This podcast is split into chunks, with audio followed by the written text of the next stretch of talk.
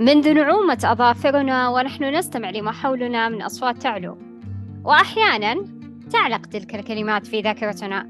لذلك أتمنى أن تعلق في ذاكرتك كل ما ينفعك وكن معنا مستمع مستمتع. هذا بودكاست 40 دقيقة نستضيف فيه شخصيات تحدثنا عما في جوفها من معرفة وعلوم مختلفة. واليوم نستضيف شخصية تخصصت في الكوتشنج لذلك دعونا نتعرف معها عن موضوع الحدود الشخصية. أهلا أهلا أستاذة غادة. يا هلا حياك الله أستاذة إيمان. أهلا وسهلا فيكي. وسعيدة أني ضيفتك اليوم. الله يحييك الله يحييك. آه طيب أستاذة غادة أول سؤال هو نعرف عن الضيف. عرفي المستمعين عن نفسك.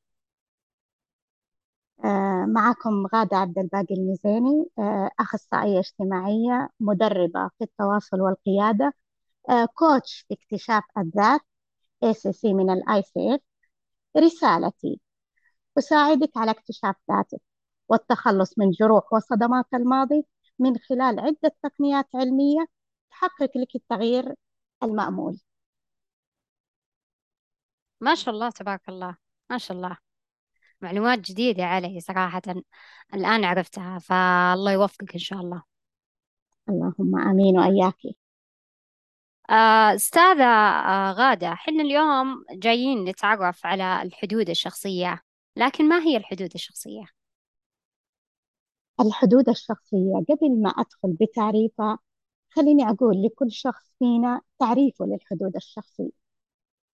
ربما البعض يقول الحدود الشخصية.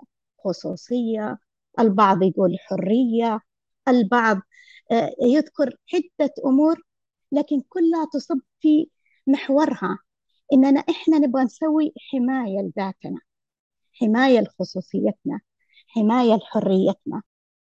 فلما نقول حدود شخصية إذا هو تحمل المسؤولية عن أفعالك وعواطفك مع عدم تحمل المسؤولية عن أفعال وعواطف الآخرين. هي حاجز يحيط بمساحتك الشخصية. هي قواعد يضعها الشخص بنفسه عشان يحدد الطريقة المسموحة للآخرين إنهم يتعاملوا فيها معه أو يتصرفوا تجاهه.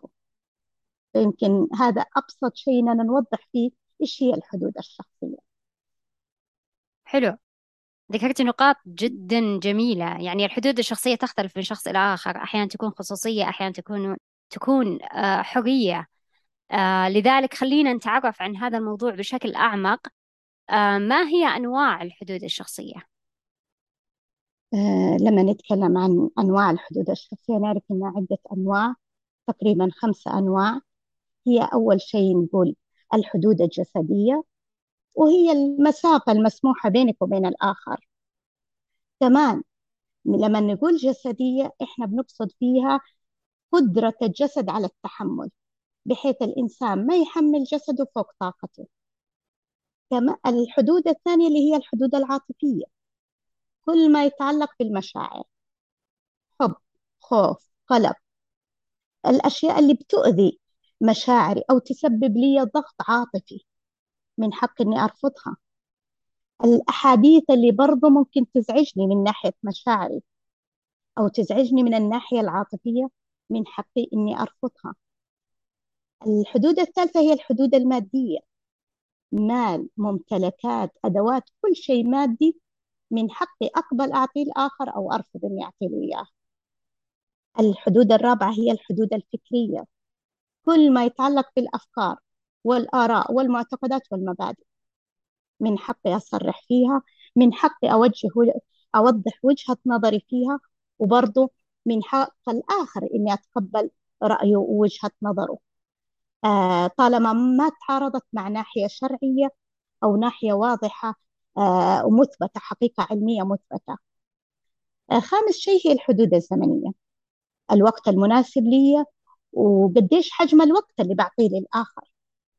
هل هذا الوقت مناسب إني أكون مع الآخر فيه وحجم الوقت وسعة الوقت؟ وهل أقدر أقدم هذا الشيء في هذا الوقت؟ برضو هذه تعتبر من الحدود الهامة ويمكن من أكثر الحدود اللي بنتجاوز فيها هي والحدود العاطفية. حلو. يعني حدود آه، جدا واضحة.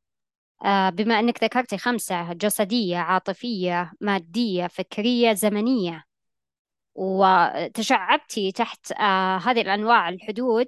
بحيث أنك وضحتي كيف أنه الشخص أو كيف نعرف هذه الحدود بشكل بشكل أوضح يعني. طيب آه، هل ذكرتها صحيح يعني؟ كل الخمس حدود؟ نعم صحيح أوكي. صحيح. إيه حلو. طيب هل أقدر أقدم هذا الشيء في هذا التوقيت من هذا المنبر أو من هذه النقطة؟ آه، لماذا مهم وضع حدود شخصية؟ جميل جدا. آه، بداية طبعا إحنا عرفناها عشان نعرف آه، ليش مهم نحطها وكيف كمان نحط هذه الحدود. ليه مهم لما نرسم الحدود ونرسم حدودنا الشخصية؟ هذا بيساعدنا على النمو الذاتي. إن هذه حدودنا إحنا بننمو من خلالها ذاتيا. اللي عنده كمان حدود واضحة مع الآخرين عنده تقدير ذات مرتفع. عنده كمان الحرية الشخصية آه، متحرر من سجن المواقف متحرر من سجن الأفكار المزعجة. ما عنده الشخص اللي يوصل لكذا. ما عنده مشاعر مزعجة مقلقة غضب وخوف وقلق بطريقة متضخمة. هي موجودة بس مو بطريقة متضخمة. حر إن الأشخاص الآخرين كمان ما بيؤذوه ما يقدروا إنهم يتعدوا حدوده. فهذه نوع من أنواع الحرية. وضع الحدود يساهم كمان في إننا نفهم ذاتنا نعرف طبيعة نفسنا إيش تفضيلاتنا. يجعلنا نشعر بهويتنا نحترم ذاتنا بحيث هويتنا هويتنا ما تكون إحنا نكون نسخة من الآخرين لا لنا هويتنا المستقلة. وضع الحدود يساعد الشخص على إنه يكون على طبيعته إنه يكون حقيقي. بدون ضغط بدون إكراه على مساحته الخاصة. كمان بيساعد الحدود الشخصية بتساعدنا على إننا نبني علاقات ناجحة مع اللي حولنا ونكون مسؤولين عن هذه العلاقة. وفي نفس الوقت إحنا ما متاحين للآخرين طوال الوقت.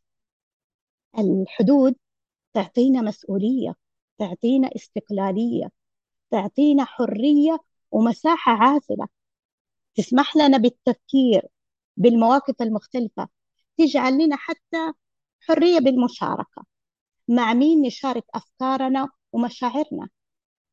معرفة حدودي وحدود الآخر واحترامها آه يخلي عندي تقدير لذات مرتفع وتقدير للآخر بحيث لا تنتهك حدودي ولا تنتهك حدوده فيها تحمل مسؤولية ذاتية كاملة بدون ما اعتمد على الآخر.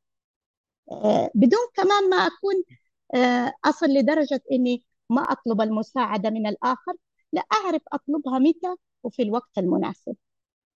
آخر شيء ممكن أختم فيه إن الحدود الشخصية تحسن العلاقات.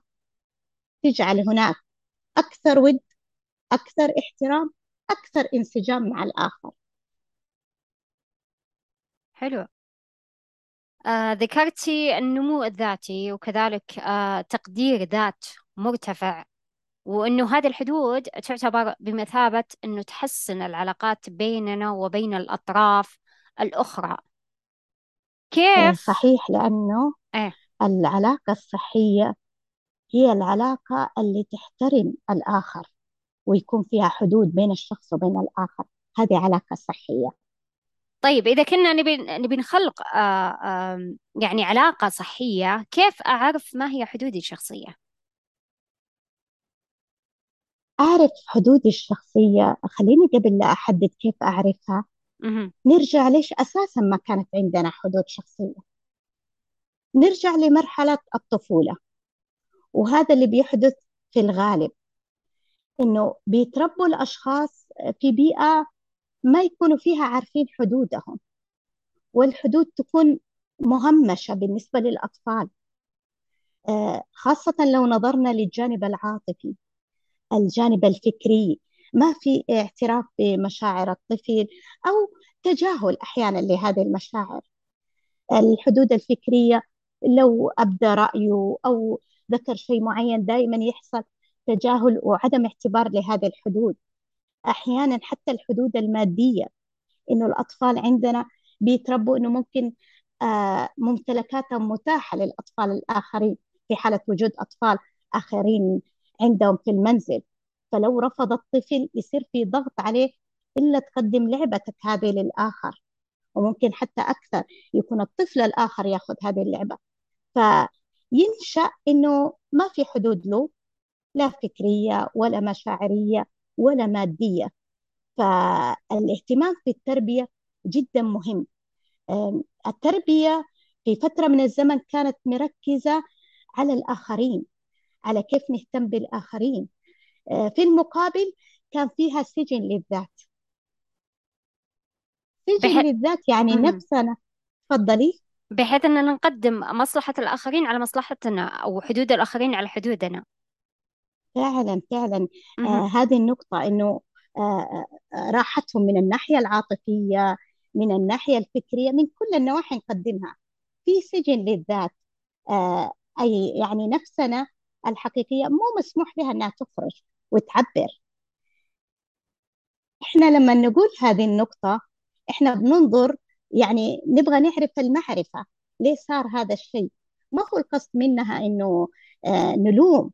المربين أيا كان كيف ربوا بهذه الطريقة لأن هم اعتادوا في النشأة على هذه الطريقة. اعتادوا في جيل معين اعتاد على أهمية الآخر أكثر من الذات. إحنا نتقبل اللي حصل ونبدأ نمارس ممارسات صحيحة. نصحح لأنفسنا ونصحح لأبنائنا من خلال التربية. فالآن لما نبدأ بالتصحيح عرفنا السبب نبدأ بالتصحيح إني أتعرف كيف أعرف حدودي كيف أكتشف آه، حدودي؟ لأن حدودي أنا ما هي زي حدود إيمان ما هي زي حدود الأشخاص الآخرين. كل شخص له حدود مختلفة. هذه النقطة جدا تساعدنا. فأول شيء هو اكتشاف الذات. أعرف ذاتي. أراقب مشاعري. إيش اللي يزعجني؟ آه المواقف هي اللي توضح لي نقطة الألم. فين المواقف اللي فعلا فيها انزعجت اتألمت آه أخي من خلال المواقف أتعرف على رغباتي أبدأ آه يظهر لي إيش احتياجاتي كمان. فضروري وقت هذه المواقف أنا أسجل إيش الأشياء اللي تأثرت فيها فمن خلالها أبدأ أتحرك الناحية الثانية وهذه هي مراقبة المشاعر آه، النقطة الثانية هي معرفة القيم وهذه القيم جدا ضرورية. إني أعرف إيش قيمي والقيم الأولية الأساسية. القيم لما أحد يتخطى قيمة من قيمي الأساسية الأولية بيحدث عندي انزعاج لأنه يعتبر كأنه تخطي الحدود وقيمنا مختلفة. فأنا بدي أتعرف على قيمي وأتعرف على ترتيب هذه القيم. ومن فترة زمنية لفترة مراحل عمرية لنا برضو يتغير ترتيب القيم. فأحتاج باستمرار إني أبدأ آه، أبحث. يعني تقريبا خلينا نقول كل سنة يبدأ الإنسان يبحث على قيمه ترتيبها كيف بيكون. آه، من خلال القيم أنا بقصد مثلا قيمة الحرية قيمة الاحترام باقي القيم. فأعرف إيش ترتيبها عندي. النقطة الثالثة وهي الأولويات. آه، الأولويات تحد توضح برضه حدودنا. إيش المهم عندي بالحياة؟ إيش هو رقم واحد؟ اثنين ثلاثة. هل العائلة أول أو العمل أول؟ وابدأ أرتب أولوياتي. هذه الأولويات لما تكون واضحة قدامي سهل علي إني أقول لا إني أرفض القيام بهذا العمل أو هذا الوقت إني أمنحه طالما يتعارض مع ترتيب أولوياتي. النقطة الرابعة هي مبادئي. أعرف إيش هي مبادئي وهذه تعتبر القوانين الأساسية اللي تقوم عليها أفكاري. فمن خلال هذه النقاط الأربعة أنا أبدأ أكتشف إيش هي حدودي الشخصية. خلالها حيتضح لي حدودي وأقدر أرتبها. من خلال أنواع الحدود الخمسة اللي ذكرناها بالأول. صحيح. إذا معرفة الذات يساعدنا على ترتيب القيم وكما ذكرتي كل سنة تقريبا يتغير ترتيب القيم بالنسبة للشخص. آه، صحيح يعني هي أنا أقول سنويا عشان أتأكد. أكيد القيم بالنسبة لبنت ما تزوجت مو نفس اللي تكون متزوجة وعندها أبناء أثناء لما يكون عندي أسرة وأبناء وعمل غير لما ما يكون عندي عمل فترتيبها بيساعد لأنه حياتنا بتتغير من مرحلة لأخرى. صحيح صحيح أتفق معك في هذه النقطة. حنا عشان نتجنب سجن الذات بحيث أننا يعني ما نخلي حدود آه، الأشخاص يدخلون في حدودنا الشخصية أو حنا مثلا بطريقة غير واعية ندخل آه، في حدود آه، الشخصيات. لذلك كيف ممكن نخلق حدود شخصية مع الكل؟ جميل جدا. طبعا نتفق إن الحدود شيء أساسي لصحتنا. لما نحط هذا الاعتبار نعرف إنه إحنا حنكون أكثر آه، سلام نفسي وأكثر صحة. كل ما قدرت إني أكون حدود صحيحة وقدرت إني أصنعها مع الآخرين وأخلقها مع الآخرين. عشان أحمي نفسي واحتياجاتي ومشاعري أنا بضع هذه الحدود وأرسمها وأضعها بيني وبين الآخرين. إيش أول خطوة أسويها؟ أول خطوة هي اللي ذكرناها سابقا اللي هي تحديد المبادئ والقيم والإحتياجات والأولويات. وخلاص صارت واضحة أمامي وهذا أهم شيء وضوحها أمامي. بما إنها صارت واضحة أمامي أبدأ أرسم هذه الحدود لنفسي أولا قبل لا أوضحها عند الآخرين. آه لما بقول برسم الحدود هذه خلينا نشبه الحدود الشخصية للشخص مثل الحدود للدول. فأنا أعتبر نفسي وهذا حيديني جدا قوة وأنا أضع الحدود أعتبر نفسي أنا دولة. أنا دولة وحولي حدود ولازم أحمي حدودي هذه. فكيف؟ لازم تكون مرسمة تكون واضحة تكون مرتفعة باينة للجميع. يعني بحيث لو من خريطة من الخارج شفتها توضح حدود الدول. هذا بالنسبة لي. لازم تكون مرسومة وواضحة بنفس الوقت لما أنا رسمتها وضح ووضحتها اللي هي دولتي أنا حدودي أبدأ أعلنها أتحدث عنها. كيف حيعرفوا الآخرين إنها إنه هذه حدودي؟ إذا أنا ما وضحتها لهم. فأبدأ أوضحها لهم ولا نستكفي بالتلميح بل بالتصريح والمباشرة. لأنه ممكن الآخر ما ينتبه لهذه التلميحات. فيبدأ الإعلان إن هذه حدودي. أعلنتها أبدأ بناء السور حولها. حولي. هذا السور طبعا حياخد جهد حياخد تعب حياخد وقت لكن حيخفف عني التعب اللي ممكن يكون عندي وأنا مستمرة بدون حدود. آه برضو لما أفكر قديش حجم الفائدة اللي حستفيدها من الناحية الصحية النفسية الجسدية الفكرية لما تكون عندي هذه الحدود إيش الشيء اللي ححصل عليه؟ كيف ممكن هذا السور حتى أفكر وأنا ببنيه كيف ممكن هذا السور يحميني؟ ضد أي رياح مؤذية. فأبدأ أتخيل النتائج. أتخيل النتائج اللي ممكن أحصل عليها آه بعد بناء هذا السور وأصبح السور واضح. أبدأ بعد كده ما يكفي إني آه ورسمتها وأعلنت وبنيت السور. لازم يكون في مراقبة مراقبة مستمرة مني على الخارج. أولا هل هذه الحدود كانت صحيحة أو قوية ومبالغ فيها؟ أو ضعيفة ولازم أقوي السور أكثر وأعليه أكثر. برضو أراقب أي تجاوز. لا أتوقع إني بنيت هذا السور لا أتوقع إني بنيت هذا السور. وصار هذا السور إنه آه حيحصل بعد كده عدم تجاوزات. ضروري يعني حيصير توقعي إنه حيصير من الآخر محاولات لأنه ما اعتاد على هذه الحدود بالنسبة لي. فأبدأ أراقب من فترة لأخرى أتأكد من الصورة اللي وضعته. أتوقع إنه حيكون الآخر في انزعاجات. ممكن تجي كلمات اتهامات إنه في نوع من الأنانية أو غيره أو أهم شيء مصلحة ذاتية. حتيجي هذه الكلمات. لكن ضروري إني أثبت وحافظ على هذه الحدود بحيث ما تنكسر من الآخر وبحيث إني أكون عندي الصلابة إني أقول لا. بس مهم كمان كيف أقولها. كيف أختار الوقت المناسب اللي أقول فيه لا. كيف أتدرج في وضع هذه الحدود بحيث ما يكون إنه ما عندي حدود نهائي وفجأة أضع الكثير من الحدود. هذه حتكون صعبة علي وصعبة على الآخر. لكن أتدرج في تقديمه يكون عندي لطف مع حزم. فهذا حيساعد ومراقبة هل هي كانت جيدة أو تحتاج تقوية أو يحتاج إني أخفف منها وكان البنيان زيادة أعلى من الحدود الطبيعية. كلام جدا جدا جميل صراحة.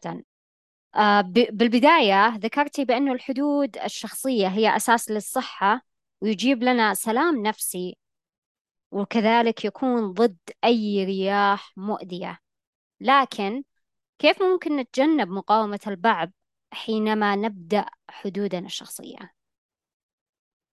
جميل جدا وهو هذا يمكن أصعب شيء بنعانيه يعني لو فكرنا بالصعوبات اللي ممكن نواجهها أثناء آه، وضع الحدود يمكن هذه النقطة اللي تكون فعلا صعبة ليه؟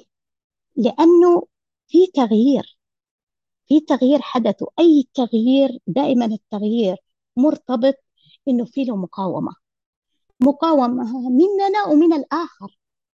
أنا حقاوم التغيير لأني ما اعتدت عليه والآخر حيقاوم هذا التغيير. آه فهذه النقطة أحطها في اعتباري إنه حتصير في مقاومة. في صورة ذهنية لي عند الآخر. الآخر واضع صورة ذهنية عني مختلفة عن الصورة الآن.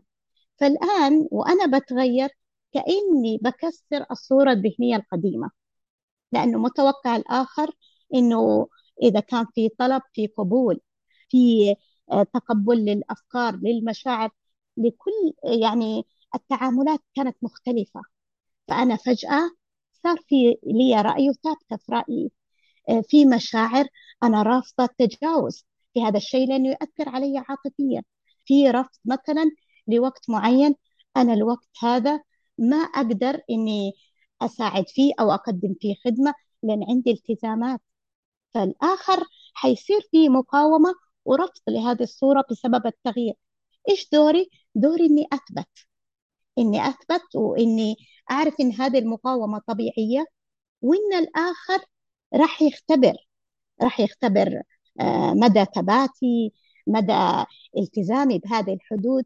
فالوقت هذا ضروري إني أنا أثبت وأتدرج يكون في تدرج. وما أتنازل بحيث إني ما يكون في صورة مختلة مرة أقبل ومرة أرفض. فكده حيصير باستمرار في مقاومة.